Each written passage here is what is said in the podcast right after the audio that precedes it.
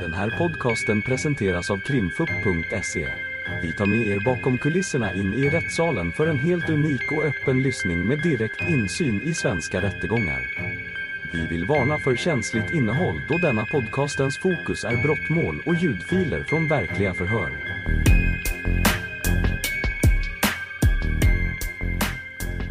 Så, eh, åklagaren har ytterligare frågor? Nej tack. Nej. Eh, Målsägandebiträdet, varsågod. Ja, tack. Hej Sean. Jag tänkte ställa en fråga till dig avseende den här kniven som du har berättat att du hade i handskfacket. Låg den fullt synlig eller var den dolt bakom, bakom papper eller andra saker? No, like it was it was on top of a couple uh on top of a couple uh, car manuals. So, uh, sorry, uh, like an instruction manual for the car Det var ovanpå ett par ja, bilmanualer. Or whatever I whatever it is I had underneath there. Eller vad det nu för böcker jag hade där inne. Okej, så att när, om man öppnar, när du öppnar handskfacket vid den här kvällen så var den där framme så att säga? Yeah, that's correct. Det stämmer ja. Yeah, it should have been. För att Eller borde ha varit. För så vitt jag har förstått så har du ju, då har du berättat själv också, du har varit väldigt engagerad i Victorias eh, fotbollsträning och, och, och varit med henne mycket och då förstår jag att du har kört henne fram och tillbaka också. Yeah. Ja. Hur tänkte du om att ha en kniv helt sy- synligt i handskfacket? Om Victoria öppnar den och ser den eller visste Victoria om att den var där? Um, Victoria's never opened up the um, the uh, the glove box ever in her life, so I'm not really sure why that's relevant. Victoria har aldrig i sitt liv någonsin öppnat handskfacket så jag, jag tror inte det är relevant. Okay. Det har nämligen framkommit till mig i andra uppgifter att Victoria är väldigt nyfiken och pillar och rör på allting och öppnar allting överallt. Uh, like I said, she's never never asked or opened up that glove box in her life, so I'm not sure. Som sagt, hon har aldrig frågat efter eller öppnat upp um, handskfacket uh, någonsin i sitt liv. Okay. Ja, jag kan få anledning att återkomma till det med andra vittnen här. Um, sen en annan fråga också. Du berättar ju att när Caroline ligger död med den här kniven i halsen, då försöker du öppna hennes telefon med ansiktsigenkänningen.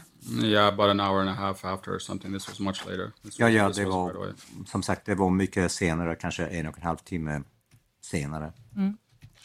Och du säger, om jag uppfattat det rätt, att du ville eftersöka en av killarna som din fru hade varit otrogen med för att kontakta hans fru. Mm, Yeah, there were multiple reasons why I'd want to access her phone, but uh, that that would have been one of them. But I can't remember. I mean, Ja, det var många, många anledningar till att jag ville ha tillgång till hennes telefon och det var en av dem. Men, it was not, it wasn't something that was a priority. This was something that was much later down the line. men det var ingenting som var prioritet precis, utan någonting ja, som skulle ske senare. För att det inspelade samtalet med Doris och Ivan, det bryts ju. Där finns ju aldrig något avslut på det, men där hör jag att du upprepande gånger frågar, har ni bild, har ni namn, vem är det? Fick du reda på vem som de påstår att Caroline hade varit otrogen med? Uh, yeah, not specifically. They kept they showed me like they showed me more than one picture, so I wasn't really sure who was who. But yeah, like I I, I found out. Uh, yeah, one of the characters was. Ja, alltså inte specifikt, de visade mig mer än en bild, men uh, visst, jag fick reda på åtminstone vem en av dem var. Gjorde du några kontaktförsök med en av dem som du kallar för karaktärerna? Uh, yeah, no, I um I looked up his uh, some of his details, and I was able to. Not sure if I was able to find his number, but I wanted to. My intention was to get in contact with his wife so that he'd uh, so that she'd find out about what uh, he'd been doing, but I was uh, unsuccessful. She didn't pick up. Uh, jag, jag slog upp hans uh, personuppgifter och um, jag lyckades få ta reda på vem hans fru var i alla fall. Och tanken var att uh, ringa henne men uh, misslyckades för hon svarade aldrig. Okej. Och bara för att vi ska vara tydliga, men när skedde det här kontaktförsöket med den personens fru? That would have been uh, that would have been when my wife left to her uh, to her sister's place uh, late night on the twelfth of April. Det var när min uh, fru lämnade mm, sin systers hem. Det var sent på kvällen, sorry, late, No, when she left my apartment and went, uh, Oh, went see. over to her sister's. Ja, förlåt, rättelse. När hon lämnade min lägenhet och gick över hem till sin syster. Och det är också lite fråga om den här tidslinjen för att du har ju sagt att efter Caroline lämnar lägenheten eh, kvällen innan eh, mordet så vet vi att det finns ett sms klockan 23 och 19 som avslutas från din sida med You discuss me. Yeah, that was when that was right when she left. Jo, det var när hon stack, ja. Och då berättar du att du ligger tillsammans med Victoria i sängen och ni gråter tillsammans. Yeah, we- for for for a little bit, and then she fell asleep pretty much right away after. So, and then that was when I had a little contact with Doris, and that's when I uh, texted my wife. Ja, det var då hon, ja, hon somnade snart därefter och det var jag hade lite kontakt med Doris och sen det var det, då jag kontaktade min fru. Så ska jag förstå det som att efter Victoria somnar så har du ny kontakt med Doris. Är det då du får reda på vem Merg är med eller? No, no, that was just that was just uh, we were just following up on what we spoke about earlier, and I just uh, yeah, and I just told her what had happened that my wife just left, and then uh, yeah, it was a pretty brief conversation. I mean, it didn't uh, yeah. Nej, det var en uppföljning och, ja, på vad vi hade mm, pratat om tidigare. Jag bara berättade att min eh, fru hade eh, åkt, eller gått och sen att det var, det, det var ett ganska kort samtal. Ja. För man kan ju se att eh, 12 minuter efter du har skrivit det meddelandet till Caroline eh, Eh, så finns det tre stycken samtalsförsök till Evelina. Det kan vi se på sidan 267. I förundersökningsprotokollet är där du skriver You discussed me. Och på sidan 348 till 351 finns det ett PM eller en tömning av telefonen. Man ser att du då ringer Evelina 23.33, 23.34 och 23.35. Är det det samtalsförsöket du menar på att en av killarnas fru, att du försökte kontakta henne? Yeah, those were the those were the phone calls I made to uh, to his uh, to his woman or wife or whoever she whoever she was. Yeah. Ja, det var de samtalen jag eh, gjorde eh, till eh, hans ja, fru eller kvinna eller ja, vad hon nu var för något. För då förstår jag som att då hade du ju redan kontaktuppgifterna, så varför försöker du då öppna Carolins telefon? Vad är det du vill ha ut mer av den? No, I saw that there were multiple reasons why I wanted to uh, gain access to her phone. Som, som jag sa, det fanns många olika anledningar till att jag ville ha tillgång till hennes telefon. Och vilka anledningar var det då? Um,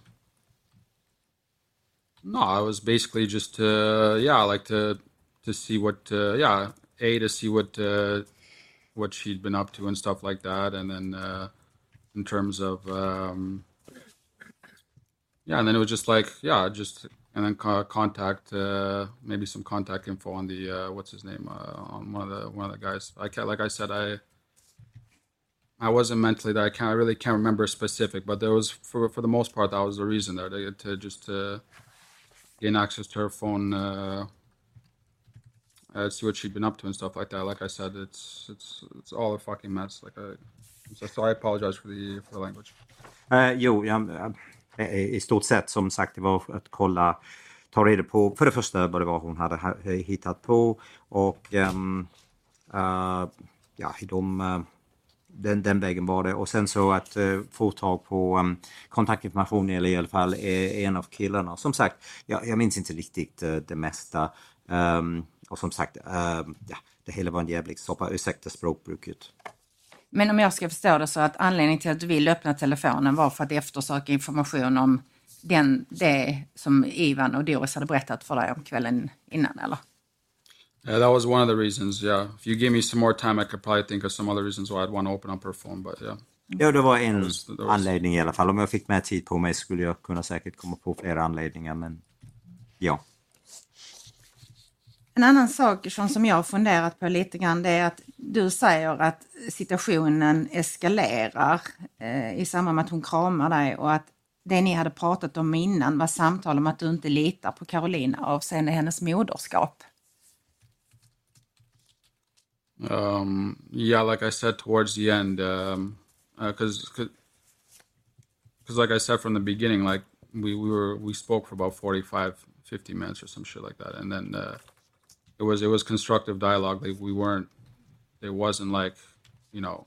Uh, there was no confrontation or anything like that. It was kind of, you know, she was crying a little bit and stuff like that. And, uh, but um, it was only towards the end where I started telling her that I felt like I couldn't trust her with my daughter because of the fact that not only that she mentioned she was suicidal and which is something she mentioned when we got to the top of the roof that she, she might just jump um, but um, it wasn't just that it was the fact that she kept mentioning that it was hard for her to be around victoria which uh, i'm sure the prosecutor can uh, gain access to on my phone text messages where she said that repeatedly that she felt uh, that it was really hard for her to be with victoria so that was uh, that was a big worry of mine as well and that uh, Så vi får vänta på Let me stop you there. Eh, jo, eh, som sagt, det var, um, som jag sagt tidigare, det var inte slutet. I början så pratade vi kanske 45-50 minuter. Det var en konstruktiv dialog, det var ingen, kon- ingen konfrontation- konfrontation precis. Hon grät en hel del och sen det var då mot slutet som jag sa att jag inte kunde riktigt lita på henne längre när det gällde vår dotter. För hon hade sagt upprepade gånger att hon hade suicidala tankar. Tanken var att hon kunde kanske, vi var där uppe på taket, hon kunde hoppa på taket. Och hon hade sagt, som åklagaren kanske vet, att eh, uh, upprepade gånger att hon hade svårt att vara tillsammans uh, med um, uh, Victoria. Och det var någonting hon hade sagt upprepade gånger. Pratade ni inte om hennes otrohet och hade du inte frågor till henne om med var och vem är det 19-20 gånger som pågår? Så vad har hänt och när och hur ser de ut? Uh, we we spoke about being unfaithful in the very beginning, but that wasn't that wasn't. I mean, that wasn't the most important thing for me. At Vi, vi pratade om otrohet i början men det är inte det viktigaste för mig faktiskt. Berätta Caroline då om hon hade varit otrogen eller om hon inte hade varit otrogen. No, she confirmed that the night before, so it wasn't about her confirming anything. We just kind of. Det hade hon bekräftat redan kvällen innan så det, det handlar inte om att bekräftande. Och hade du fått svar på alla dina frågor då?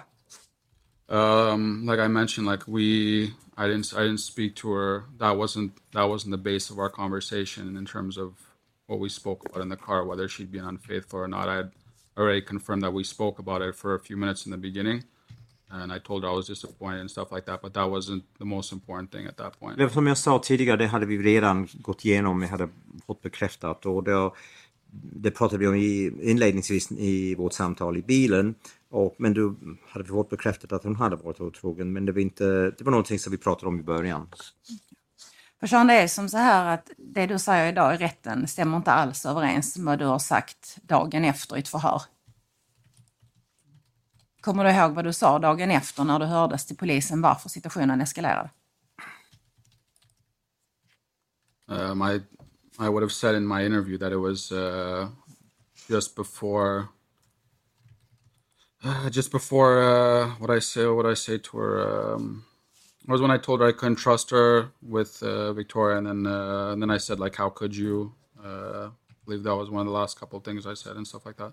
Jo, det som jag sa i förhöret att um, det var då efter inledningen att jag sa att jag kunde inte lita på henne eh, när det gäller Victoria och sen ja, hur kunde du? Och det var nog den, ja, bland alla de, den sista saken jag sa.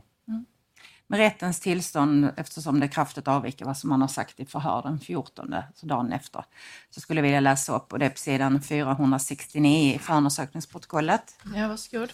och det är tredje stycket nerifrån. Förhörsledaren frågar, när började konversationen eskalera? Jag tror att det började när vi började prata om att hon varit otrogen. Det var då det brast för mig. Det var, var bara psykiskt att under de här tre veckorna och dagen innan fått veta att hon varit otrogen bara exploderade i mitt huvud. Och sen så ställer förhörsledaren eh, ytterligare en fråga. Vad hände när det exploderade i ditt huvud? Du berättar om en kniv, kofot och om ett nackgrepp. Jag hade ingen kofot i bilen vid tillfället. Jag sa bara att jag brukar ha det i bilen. Vad är det, det första du gör mot Caroline när det exploderar i ditt huvud? Hon kom emot mig och skulle krama mig och innan saker gick mig ur händerna så sa jag, hur kunde du? Jag satt på förarsätet och hon på passagerarsätet. När hon kom emot mig och ska krama mig tog jag min högra arm runt hennes nacke så att handen hamnade framför hennes hals. Här säger du ju något helt annat än vad du säger, att det exploderar i ditt huvud när otroheten kom upp. No, we spoke about that previously, but this is also like I was. This is this is my first interview a few after uh, a few hours after when I was still in shock. Like I it took me it took me like a couple of days to gather everything. Like I mean, Ja, det har vi pratat om tidigare men det var mitt första förhör efter eh, vad som hade hänt och jag var i ett chocktillstånd och det tog mig flera dagar att liksom hämta mig. Det här är klockan 13.02 dagen efter. yeah. No, but like I said, we it was something that we we spoke about, but it was it wasn't like I said. Uh, Som sagt, det var någonting vi pratade om. Ja, Ursäkta Jenny, men eh, du sa här att eh, du, samman, du läste upp allting men sen sammanfattade du frågan som att, eh, att det var på grund av att hon varit otrogen som det exploderade i mitt huvud. Men den fullständiga meningen är ju att det var bara psykiskt att under de här tre veckorna Ja, det och läste jag. dagen innan fått veta att hon varit otrogen bara exploderade i mitt huvud. jag det var läste ju också att han sa att det exploderade inte bara på grund av otrohet utan också att han sa precis innan att det var psykiskt under de här tre Jag tror att det veckorna. lästes upp. Jag läste det också. Ja. För jag tänker ju så här, Sean, vilket jag tycker är jättekonstigt, att under hela inspelningen från du med Ivan och Doris, när du har fått reda på att Caroline är otrogen, yep. så frågar du vem, hur, när, när var det senast, vad hette de? De säger ju att det är 19-20 personer, jag tror till och med du där förstår att det här är kraftigt överdrivet. Men du är ju otroligt benägen att få reda på allting och vill se vem det är och så. Och därför har jag ju väldigt svårt att tänka mig att när du väl sitter där med Caroline, att ni bara nämner det och sen är du nöjd med det. Jag förstår inte, hur, hur kan det komma sig att du accepterar det där och då? like a lot of our conversation um, was actually about our future going forward. Uh, whether you believe that or not, I'm not. I can't really speak on that. But like I said, uh, a lot. Yeah. Mycket av vårt samtal handlade faktiskt om hur vi ska gå vidare i framtiden, huruvida du tror på mig eller inte. Ja, det har du sagt flera gånger. Men, men, men eh, jag ska uppfatta det rätt att när ni där och då är på taket så berör ni otrogen lite grann och sen är det fine för dig och sen börjar ni prata om framtiden. No, we, we spoke we spoke about it. We spoke about it in the in the beginning, and I think it's. I'm pretty sure maybe I brought up quickly or something towards towards uh, like three quarters of the way or something like that. But like I said, most of our conversation about that was was towards the beginning. Uh, jo, eh, så vi, vi pratar om det som sagt i början och sen, ja, tre kvart mm, genom eh, vägen genom eh, samtalet så tog vi upp ämnet igen. Men i stort sett så var det någonting vi mm, eh, pratade om i början. En annan sak Sean, som jag har funderat över och som jag saknar fullständigt i, i utredningen, det är eh, ett, en beskrivning av Carolines beteende. Du har ju sagt i, under receptionen att hon gjorde motstånd, men hon har ju en röst också. Skrek hon på hjälp? Eh, eh, bad hon dig sluta? Va, hur, det här är ändå ett förlopp som du säger i alla fall vara några minuter. Va, va, hur, hur agerar Caroline från det att du böjer dig, hon, från att hon vill krama dig till dess att hon har kniven i halsen? Vad säger hon under den tiden? Honestly, like I said, uh, Ja, ärligt talat. eh, like my I've, I've tried to explain this many times like my mental state was destroyed like this I, I can't you know like I can't get in get into this any any more than that but like I don't I don't remember specifically which if anything was said I don't think so I don't remember I, I really don't Jag ärligt talat, jag har försökt förklara det här många gånger. Som jag sagt tidigare, mitt mentala tillstånd, jag var helt förstörd. Och jag kan inte säga mycket mer än det. Men är din this, this, uppfattning this att is not something that dragged on or anything like that like I said this was something that was that was quite quick I you know uh, Det var någonting som gick rätt så fort. Men, men är din uppfattning att Caroline var tyst eller skrek hon? Det måste du ju minnas.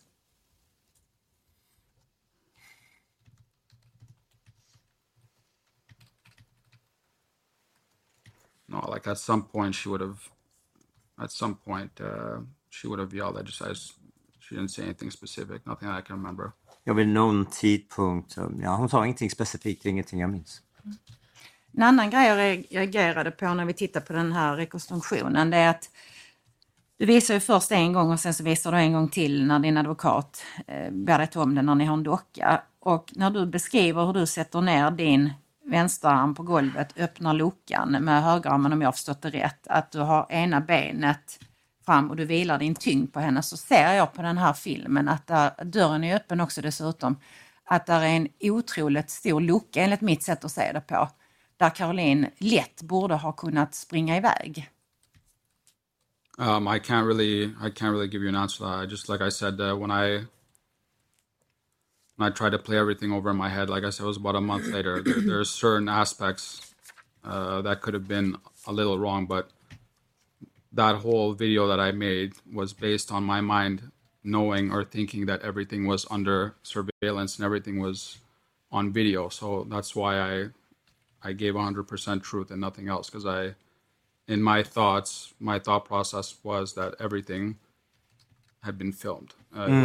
Yeah, sorry. Jag kan inte riktigt svara på detta som jag sa tidigare när jag spelade upp filmen igen i mitt huvud så att säga och en månad senare. Eh, ja, det finns kanske vissa detaljer som är fel men eh, jag utgick ifrån att allting hade spelats in på video. Det är just därför jag sa, jag gav 100%, 100% sanning. Alltså de, de detaljerna jag egentligen är ute efter det är att trots allt är ju Caroline en människa som måste ha kämpat för sitt liv. Och, och, och, uppenbarligen så har hon inte lyckats springa iväg.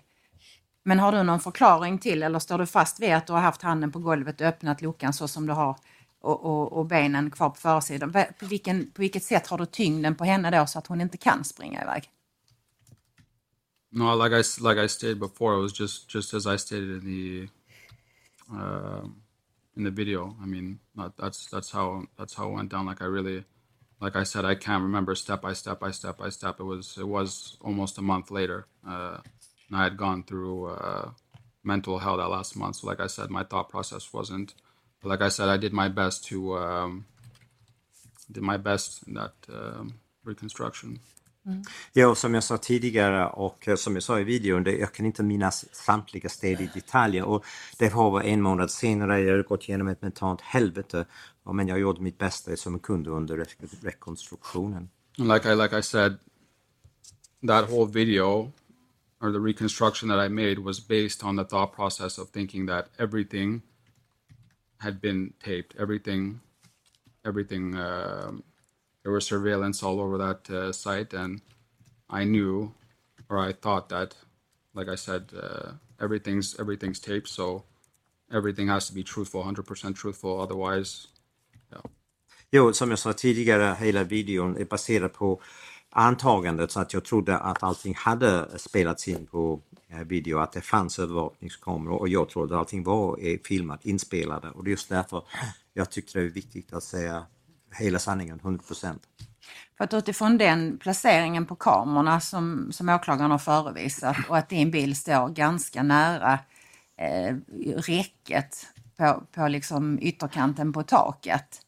Utifrån kamerornas placering så tänkte du då att det som händer inne i bilen och det som händer ner bakom bilen på marken också skulle spelas in utifrån den kameravinkeln du ser eller?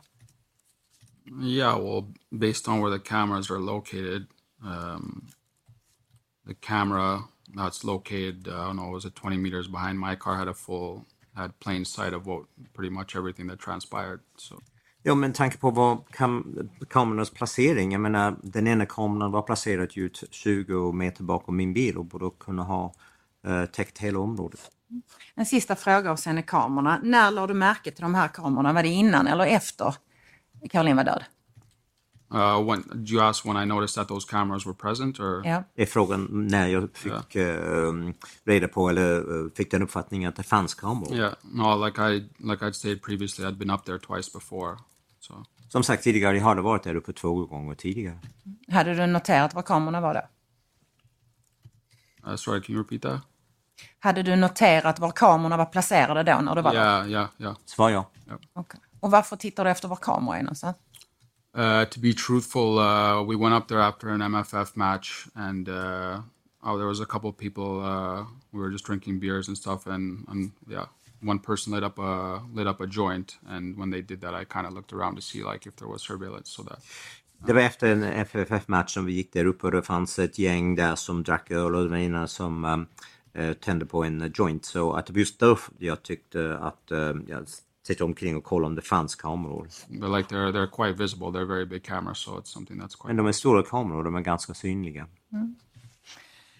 En annan fråga. Du sa ju spontant i din egen berättelse också att du har aldrig begått en kriminell handling i hela ditt liv.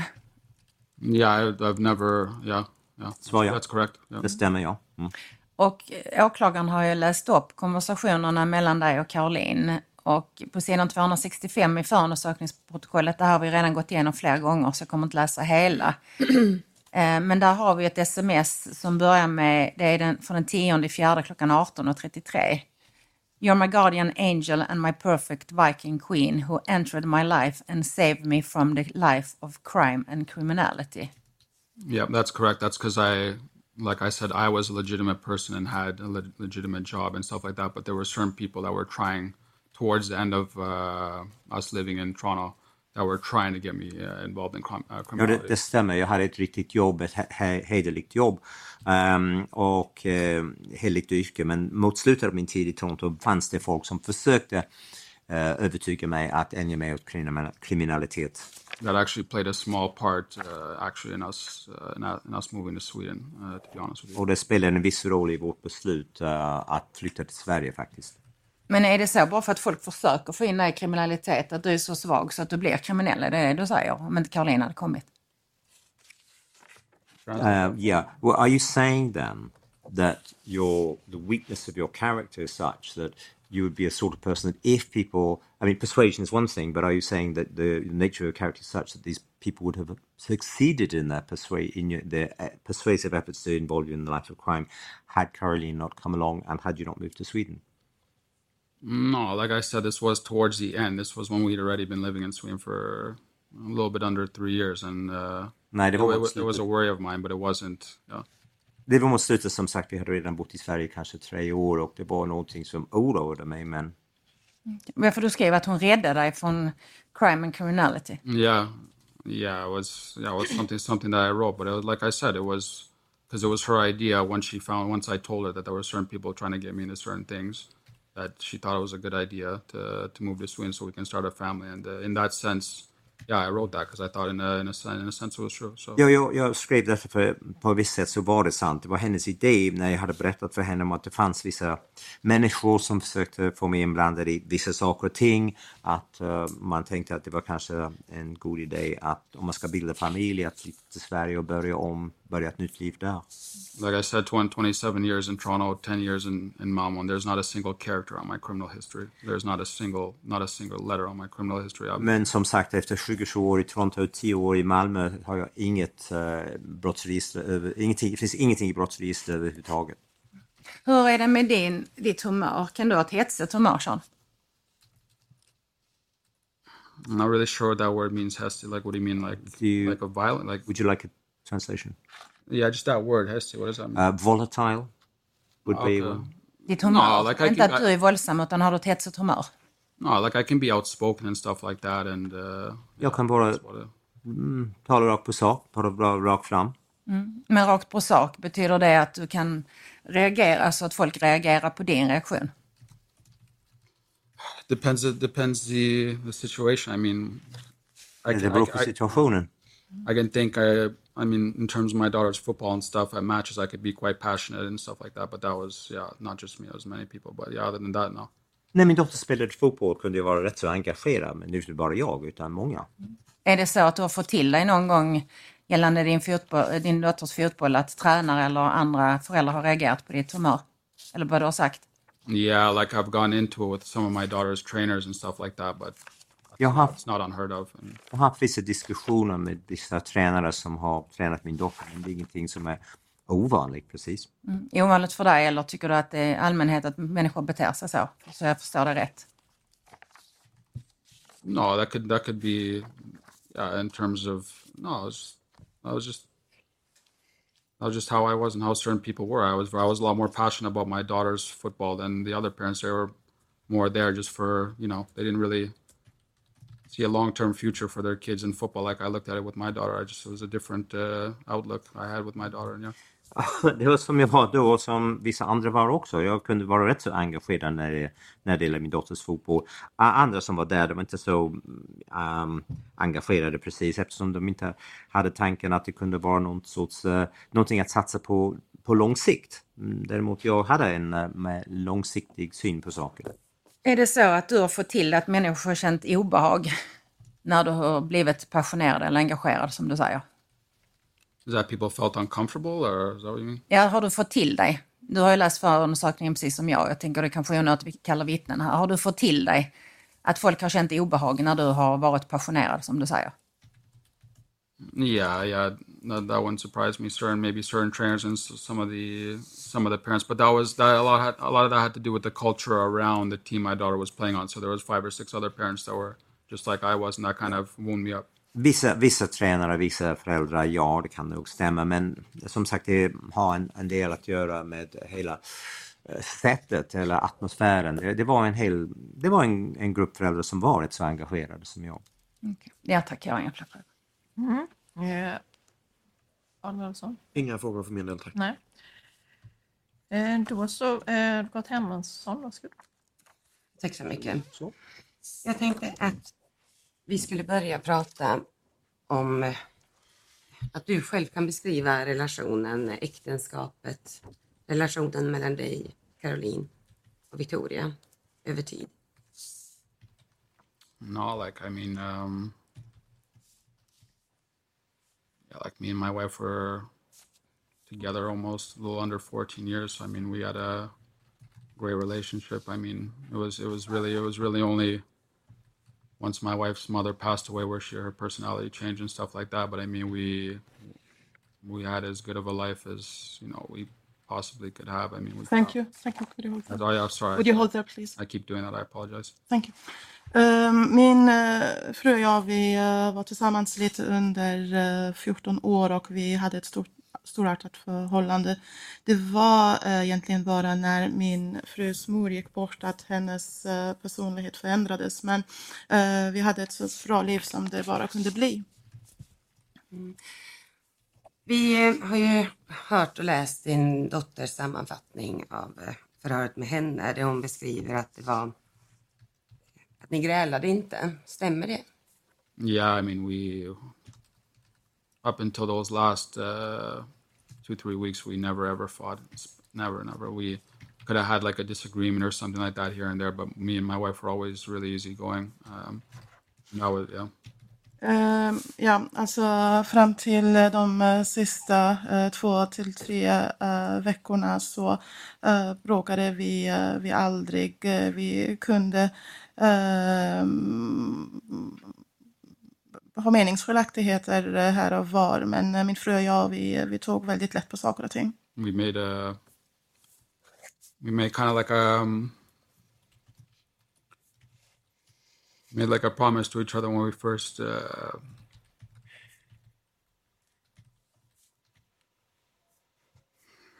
when we first got married that uh, no matter what we wouldn't fight over stupid things we wouldn't be like be a couple that uh, fought over stupid things Vi eh, lovade varann eh, på sätt och vis när vi först blev ihop att vi inte skulle gräla om dumma saker, onödiga saker, att vi inte skulle vara den slags par. Mm. Eh, I eh, Victoria, och det här är ju ingenting som har, vi har lyssnat till här i domstolen men, eller läst upp sammanfattningarna, men Victoria sa ju också, hon, kunde beskriva två bråk och det, det är i början på april och den kvällen eh, den 12 april när eh, Caroline lämnar. Stämmer det att det inte var mer bråk än så? No, like me, me and my wife never fought. Like I said, we we could have had a disagreement, but then, you know, we wouldn't talk for four or five hours or something. Then it would be like it never happened. We had we had. I mean, we we we basically never ever fought. Or if if we ever got into conflict, it was more of like a small disagreement. Never fought like that. My, I mean, if you were to ask my daughter, like I like I said, she'd probably tell you on. She could probably count on one hand uh, how many times we've ever fought in front of her. Ehm, alltså som sagt, min eh, fru och jag, vi, vi bråkade eh, aldrig och om vi var eh, oense om någonting, eh, om det var någon, någon, någon eh, motsättning så var det så att vi inte pratade i fyra, fem eh, timmar och efter det så var det som att eh, det inte hade varit någonting eh, någonsin. Ehm, så om du, om du frågar min dotter så skulle hon nog kunna räkna de tillfällen på en hand. Och eh, de sista, jag vill säga från Karolins mammas bortgång. Hur förändrades Caroline då? Hur påverkade det dig och hur påverkade det Victoria? Like I said, it wasn't something that happened directly after her mother her mother died, but it was further further down the line where um, Som jag sa, det var inte någonting som eh, hände omedelbart efter att hennes mamma gick bort. Det var längre fram.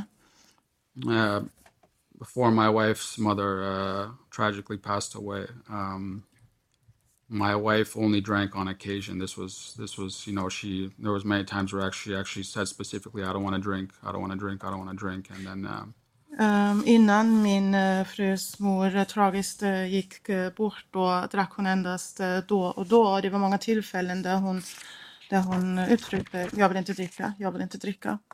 but um, further further down the line just became more and more and more often and uh, I spoke to her about it and her best friend about it I just kept hearing I just kept hearing that it's her way to to deal with her loss and uh, I never I never want to I was never a jealous dude I never really cared if my wife went out to, to clubs and stuff like that Hold there please Ron. Yep. Eh, men ursäkta, senare så, så blev det bara eh, mer och mer eh, ofta och eh, när jag pratade med henne och med hennes bästa vän så hörde jag bara om och om igen att det är hennes sätt att eh, hantera sin eh, förlust Eh, och jag var aldrig någon um, svartsjuk kille. Jag var ingen kille som, som, som brydde sig eh, ifall hon gick ut eh, på någon klubb. Hade du föredragit att hon hade varit mer hemma och tillsammans med familjen? yeah like i said because of the because of the because of the alcohol her personality changed and she started spending um, started spending less time together with uh, me and victoria and um, Ja, som jag sa, eh, på grund av alkoholen och förändringarna i personligheten så började hon att spendera mindre tid tillsammans med mig och Victoria. and like i said um, like i said from the beginning i take full responsibility because when her mother died i wasn't there for her and when she started to drink and it started to get worse i could have put a stop to it but i didn't Som jag, som jag eh, har sagt tidigare, som jag har sagt från början, jag tar eh, fullt eh, ansvar när det gäller att ehm, när hennes mor gick bort så fanns inte jag där för henne och när hon började dricka så skulle jag ha kunnat stoppa det, men jag gjorde inte det. and the you know i'll regret it for the rest of my life but Jag kommer att eh, ångra eh, detta i resten av mitt liv. but the you know a time that really bothers me that i think about almost every day while i'm in- incarcerated is uh when we were at her um her uncle's place uh in november just before we went to london um men den, eh, den gången som verkligen eh, som jag verkligen stör mig på och som jag eh, tänker på under tiden jag är frihetsberövad. Um, det var um, när vi var hemma hos hennes mm, far eller morbror i november innan vi uh, åkte till London. um yeah we were having a great time and then um my wife decided that she was going to leave and go out with one of uh, her uncle Joachim's uh, friends, and um, my daughter got really upset and uh, uh, yeah, Vi hade, vi, hade, vi hade roligt, vi tillbringade en trevlig stund och eh, min fru bestämde sig för att hon eh, ville gå iväg med en av hennes uh, onkel Joakims eh, vänner. Min dotter blev upprörd. and um, yeah, that's when she went to the bedroom and started crying, and um, she told uh, my wife that um, that she promised that she that her plan was just that she was going to stay with us, and why you know she was kept asking why she was leaving, and that's when my wife got me to comfort Victoria. Yes. Eh, och det var då hon eh, gick eh, in i sovrummet, hon grät, hon sa till min fru att hon alltså att planen hade varit att hon skulle stanna med oss. Varför skulle hon lämna? Det var då min fru lät mig trösta Victoria. Yeah, and that was uh, unfortunately, unfortunately, the first time I ever. That was the first time where I actually witnessed my wife pick uh, alcohol over my daughter. Det var tyvärr, tyvärr första gången jag ehm, såg hur min eh, fru ehm, valde alkohol framför min dotter. And like I said from the beginning, uh, it's.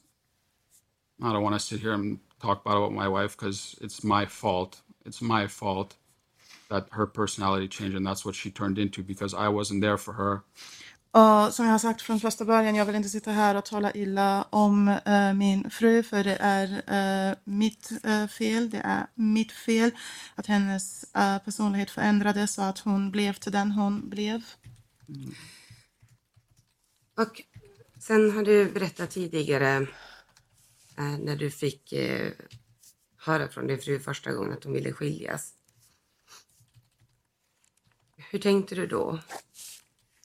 No, like my my natural reaction. I feel like any any man who's been with been with his wife for you know 13, 14 years, whatever it was, to obviously try to save our marriage and save our you know keep our family together. Ja, alltså, jag, jag kände, min, min reaktion var, en, var den naturliga reaktionen som vilken man som helst skulle eh, ha efter 13 till 14 års eh, äktenskap. Eh, viljan att rädda eh, äktenskapet och att eh, bevara familjens en, eh, enhet. enhet. Och jag läste upp också, eller föredrog att du hade googlat en del psykologkontakter. Vad var tanken då? Yeah, no, that was uh, there were two reasons for that. Uh, the first, uh, first, uh, first thing I was googling was uh, psychologist for my mental for my mental health, but then uh, as important, uh, I was looking up uh, couples therapy as well for me and my wife to see if that was something that we could. Uh, Eh, det fanns två anledningar för det. Eh, för det ena så googlade jag och eh, letade ehm, när det gäller min, min egen mentala hälsa och för det andra, och det var lika viktigt, det gällde parterapi för att se om det var någonting som min fru och jag kunde ehm, Gjorde du någonting annat? Sökte du stöd, hjälp, diskussion? Diskuterade du med någon annan? Uh, yeah, me and um, I think it was a week prior to the incident that I um, I invite over my wife's uh, my wife's good friend Antonio over to uh, to discuss everything that had been transpiring with me and my wife. Eh, Ja, det var en vecka eh, innan eh, händelsen att jag hade eh, bjudit över eh, min, eh, min, min frus goda väninna Antonia för att prata om det, som, ehm, det som stod på när det gällde mig och min fru. Vad hade du för förhoppning med det samtalet? Yeah, most importantly, I just wanted to get, just wanted to, because I know she'd been best friends with my uh, with my wife previously, but uh, it was yeah, most importantly to just get some advice for her from her and uh, to, to find out what she thought I could do to to help you know keep our marriage going, and uh, also I just I wanted to speak to her about my wife's mental state. That was also really important to me because I don't I didn't think at that point that she knew. Ursäkta, Ehm, ursäkta. Eh, kan vi bara pausa inspelningen? Eh, Antonia har ju kallats för att höra som vittnen. Um, jag som mest, det, det viktigaste var, i och med att jag visste att hon eh, hade varit min frus bästa väninna tidigare, eh, att jag eh, gärna vilja ha råd av henne för att ta reda på vad hon tänkte vad jag skulle kunna göra för att, för att bevara äktenskapet och även vad jag skulle kunna göra för att hjälpa min fru med sitt psykiska mående. Fick du något konkret råd av Antonia?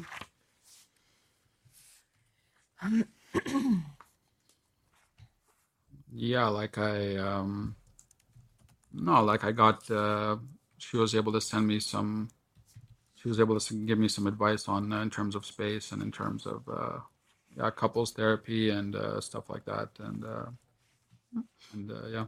Ehm, ja eller nej, alltså hon, hon, hon kunde ge mig eh, råd när det gäller ehm, space, utrymme eh, och även när det gäller parterapi. Yeah, we we spoke a lot about my wife's mental state because she didn't know how bad my wife was at that time, and uh, I also told told spoke to her a lot about my uh, my mental state and how I was feeling and stuff as well. Which yeah, Eh, vi talade en del om, ursäkta mig, om min frus eh, psykiska mående för hon eh, visste inte då hur, hur illa det var. Jag pratade även med henne om mitt eget psykiska mående. Hörsammade det, att du skulle fortsätta att ge Caroline space? som Antonia. Yeah, that was uh, that was we spoke about that a lot about uh, trying to find a way to because I I didn't really understand the concept of giving a woman space. Like I mean, I didn't really understand what my wife meant by that, so I, that was something we spoke about a lot as well to see if I can find a way to you know give my wife the space that she wanted and. Uh, Ja, eh, vi, vi pratade eh, om det, alltså om att hitta ett sätt eh, för att ge min, eh, min fru space eller utrymme. Jag förstod inte riktigt eh, det konceptet, alltså vad det innebar att ge en, eh, en kvinna space. Så vi pratade en del om det. like the most most important uh,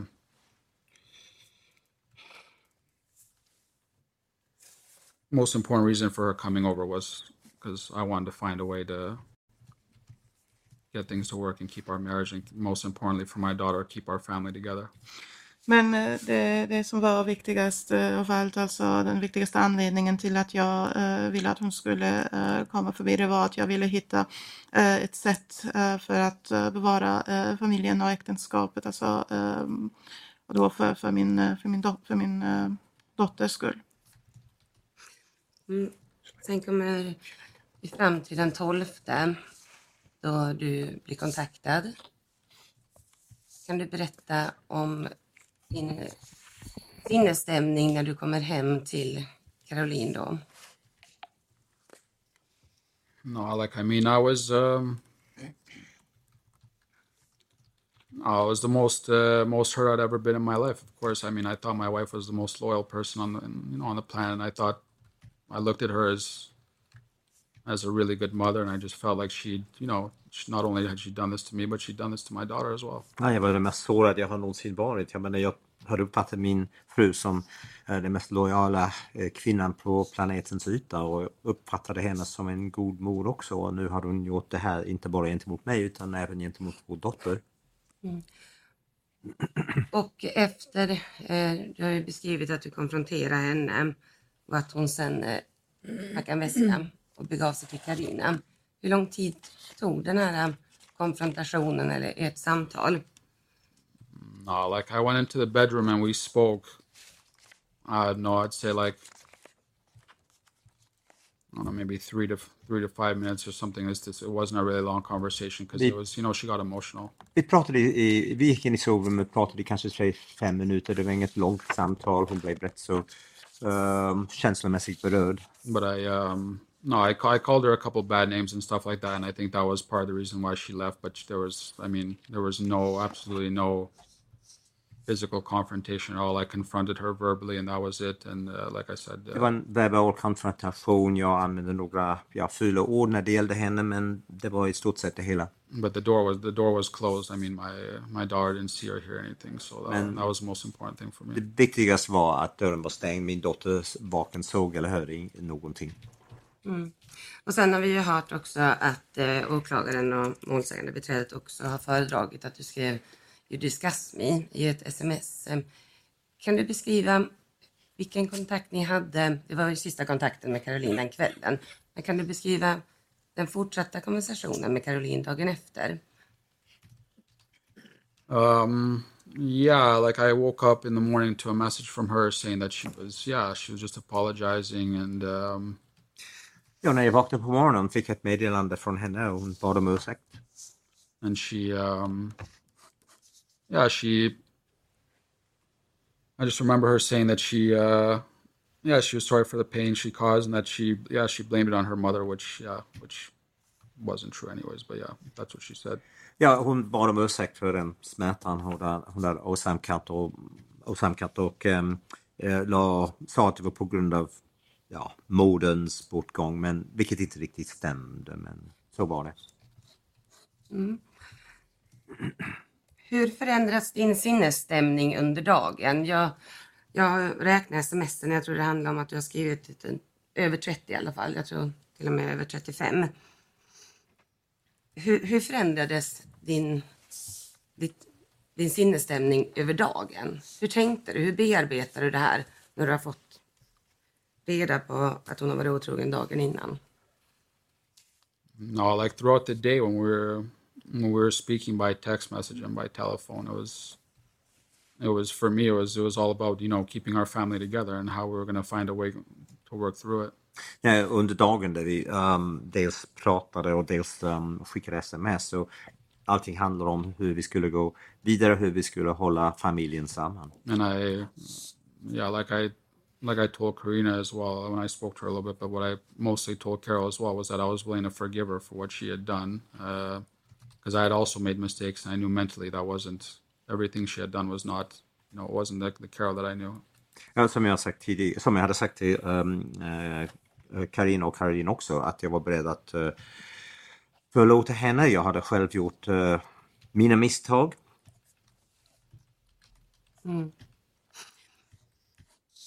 Och eh, jag läste också upp det att eh, de sista smsen där så skrev du att We get through this. I've also made huge mistakes. Vad menar du med det? No, like that was that was my thought process. My whole my thought process was that we were, you know, I was gonna find a way to work things out, and even if we did split up and she did live with Karina, I still wanted to find a way.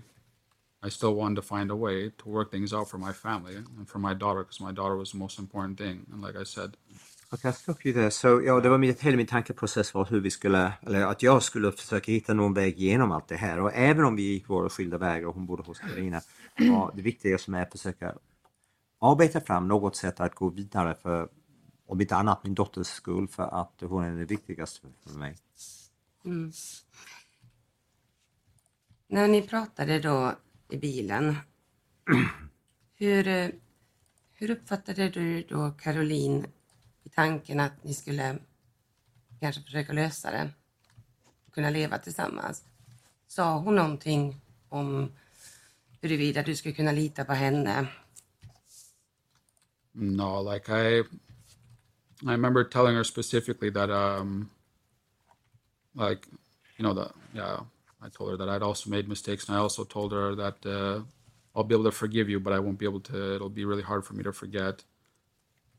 Mm, nej, jag minns att jag sa till henne att jag har också gjort mina misstag och visst skulle jag kunna förlåta henne men det blir svårare för mig att eh, glömma. But I also, you know, I also mentioned many times that the most important thing was for us to work things out, and that I told her her staying at Karina and Martin, Karina and Martin's was not a long-term solution. Och jag sa till henne upprepade gånger att det viktigaste var att kunna arbeta igenom saker och ting och att eh, ja, vara med Karina och Martin, ja, det var ingen långsiktig lösning precis.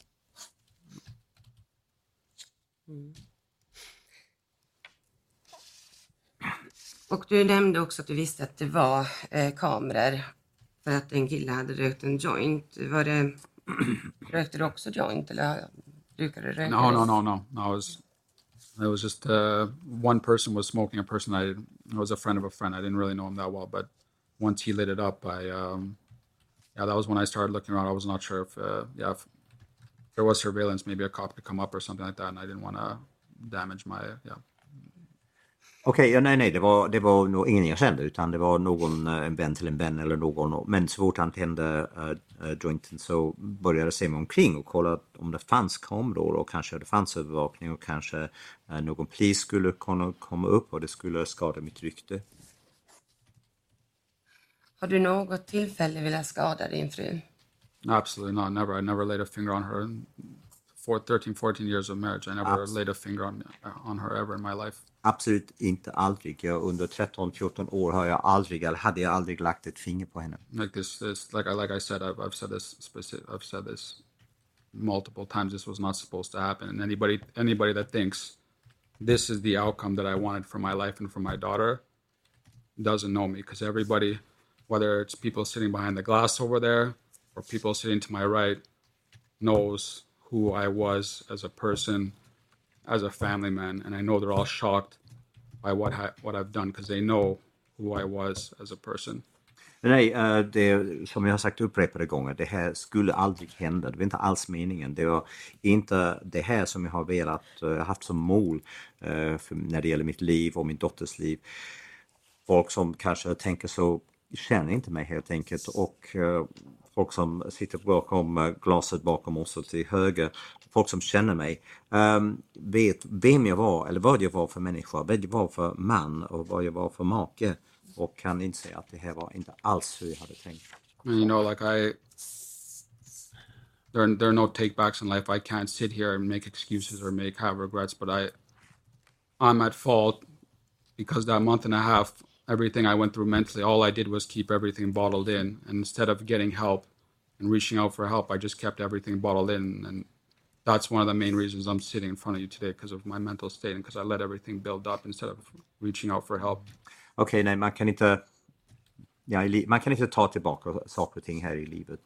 Men vad jag kan säga är att det som jag gick igenom de en och en halv månaderna, allting lagrades inom mig. Det blev um, som en tryckkokare inom mig. Jag höll allting inom mig istället för att söka hjälp. Och det är en av de anledningarna till att jag sitter här idag, att jag inte sökte hjälp utan allting um, kokade upp. Mm. Vad var det som du var mest upprörd över vid den här tidpunkten? Var det, kände du ett hämndbegär eller att din heder hade kränkts eller kände du oro i så fall för vad? Vad var det som gjorde de största no, oros och stressfaktorerna? Vad var det som utgjorde det? No, it was a combination combination of a lot of things, but it was the first, yeah, most importantly, it was you know my family splitting up and um, how it affect how did how it would affect my daughter. That was that was the first thing, um, and secondly, I mean, um, yeah, like when you're together with somebody for that long and you've lived in multiple countries together and stuff like that, and you know you you've got, you know, such a such a long history that that also that plays a, a factor as well. Det var en kombination av olika faktorer. Det mest primära var nog säkert den tanken att jag skulle, familjen, familjen skulle splittras och hur det skulle påverka min dotter.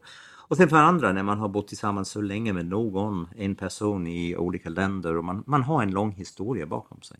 But then it was, um, yeah, what, what really started to play a toll on me was, was my, um, yeah, it was, it was, once my wife started mentioning that she was suicidal and that she found it hard to be with Victoria and that uh, slowly after that she started to you know distance herself and she started to drink more and more and more. Mm, men uh, det som påverkade kanske mest uh, var när hon sa att hon kände sig självmordsbenägen, att hon hade svårt att hantera Victoria, att hon tog mer och mer avstånd och började dricka mer och mer. Du förklarade att du ville rädda äktenskapet. Eh, men om det skulle visa sig att din fru eh, inte hade velat leva med dig? Är det någonting som du hade accepterat? Yeah, like I mean, I would I wouldn't have a choice. I mean, if we if we were to split up, we were to split up. Like I said, the most important thing was was my daughter. But you know, I, I stated many times that I didn't think my wife was in a position to make make such a drastic decision when her mental state wasn't right. Nej, eh, som sagt, blir det så så har man inget val. Har man gått sina skilda vägar så har man gått skilda, sina skilda vägar. Men det viktigaste för mig var vår dotter och som sagt, som jag sagt tidigare, jag tror inte att min fru var kapabel att fatta sådana här allvarliga beslut i, eh, med tanke på den sinnesstämningen hon hade då. Vi ska prata lite grann om Victor eh, Antonia också som vi kommer höra senare här idag. Men eh, Åklagaren har ju föredragit ett sms som du skickade till henne som var ganska kraftfullt uttryckt. Varför, vad kände du när du skickade det? Well, no, it was more more in the sense of you know I was I was just disappointed because you know the simple fact that um, we'd met uh, we'd met a, a week ago and um, I felt like she kept a lot of things she kept a lot of things from me. Uh, and then in terms of yeah, how, how everything played out in my mental state, I just feel like if she would have told me everything and really opened up to me, then you know I would have had I would have had time to just like let things sink in and at that point, like me... Let me stop you there. Yeah, yeah. Um, det var med en känsla, att jag var besvi um, en känsla av att jag var besviken. Och det faktum, uh, faktumet är att vi hade träffats ju veckan innan och tydligen hade hon undanhållit en hel del saker och ting från mig. Och med tanke på mitt mentala tillstånd då, om hon hade varit helt öppen, om hon hade berättat allt, då hade jag haft tid att få saker och ting att sjunka in och pr- bearbeta.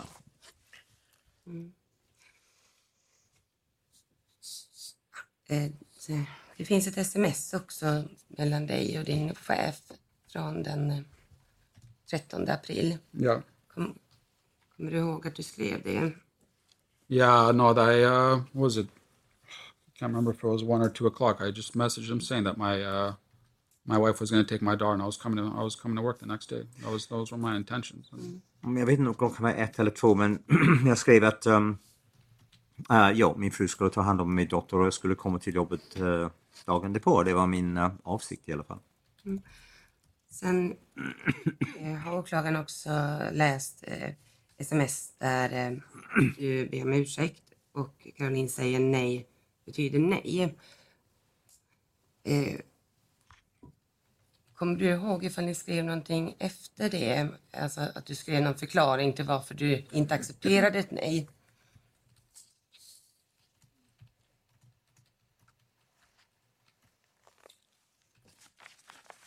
You can repeat that, Tina? Sorry. Eh, vi kan nästan ta fram det, men du, hon, du, du skrev någonting om att men du har aldrig, eh, aldrig intervjuat Ja, ja, med ja. mig tidigare. Yeah, yeah, no, like I, I mean, like going back to that day, uh, it was just, um, I had asked her to have sex multiple times because it was the first time in my life that she'd uh, that she'd said no to me. So it was for me, it was just like a big shock and stuff like that. And um, Nej, den aktuella dagen har jag bett om att få sex um, upprepade gånger och det var första gången i vårt liv tillsammans som hon har sagt nej. Så det var en, en, en chockartad upplevelse för mig. Och eh, du skriver ju väldigt uttrycksfullt att du verkligen, verkligen ber om ursäkt och att du inte ska, liksom, att det inte ska hända igen utan att du ska ge henne space. Vad är det då som gör att du ber så mycket om ursäkt? no, because I had never, never acted like that around her ever in my life. I mean, I'd never, I'd never tried to press sex on her in my life because I'd never, you know, it's nothing that she'd ever said no to ever in her life. And the fact that Ja, mitt stopp i det, nej, det var mest att jag, mitt um, sätt att agera i hennes närvaro. Um, för det är nämligen så att det aldrig eh, sagt att hon inte vill ha sex tidigare. Och när du säger press, är det då eh, fysiskt eller?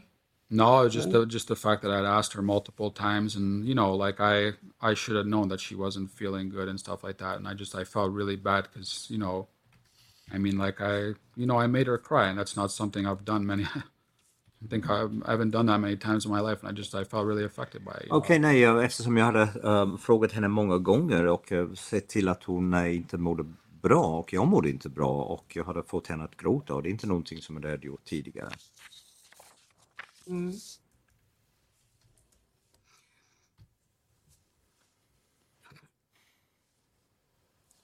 Jag skulle också bara vilja att du beskriver din dotters relation till dig.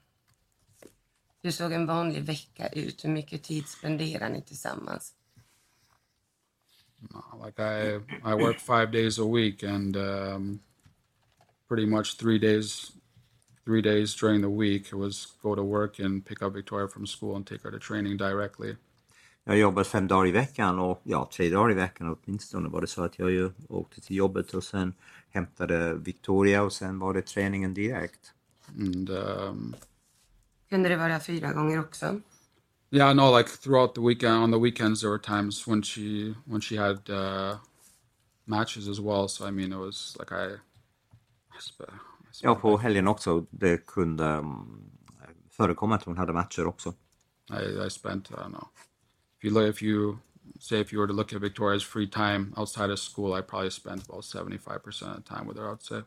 När man tänker på hur mycket fritid um, Victoria hade utanför uh, skolan så kanske jag tillbringade 75 av den tiden tillsammans med henne. And that wasn't that wasn't for the fact that my wife didn't want to spend time with her or something like that. That's not the case at all. It was just it had a lot to do with my daughter's uh, with my daughter's football and because of you know because of our connection. Mm, nej, ja, det var inte så. Jag vill inte med, det är inte meningen, eller jag vill inte mm, ge intrycket av att det var inte så att min fru inte ville tillbringa tid med henne. Det var mest på grund av hennes intressen, det här med fotboll. Mm. And uh, yeah, on the on the weekends, I mean, uh,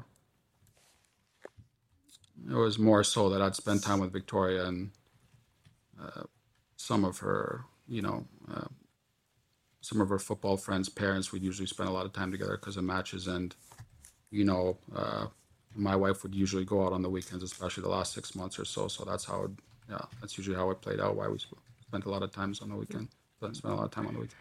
Och sen på helgerna var som sagt eh, det mesta, för det, för det mesta tillbringade tid med Victoria och det samma sak gäller andra fotbollsföräldrar när vi var på matcher och sånt. Och den senaste, uh, de sista sex månaderna var um, ja, Caroline väldigt mycket ute på, på helgerna också. Så det, det var så, så det gick till. Mm. Hur tror du att det påverkar henne att eh, hennes mamma avled 50, jag, jag, vet inte men uppskattningsvis kanske 50 meter bort från det ställe som hon tränar och spelar på. No, the thought, the thought of that, me, thought of that just devastates me. I mean, like I said, uh, this wasn't supposed to happen. I mean, my, my daughter was training just across the road. Our, our plan was to just have a have a good conversation. Uh, jag känner mig förkrossad bara av tanken och som jag sagt tidigare, det var inte alls meningen att det, skulle, det här skulle hända och bara tanken att min dotter tränade, ja, där borta 50 meter bort. Mm. Jag har inga fler frågor då, tack. Mm. Någon som har någon ytterligare fråga? Nej tack. Nej? Då avslutar vi förhör. Ni har lyssnat på ett avsnitt av Krimfupps podcast. Tipsa gärna oss på krimfupp.se om det är någon speciell rättegång ni skulle vilja höra. Tack för att ni har lyssnat.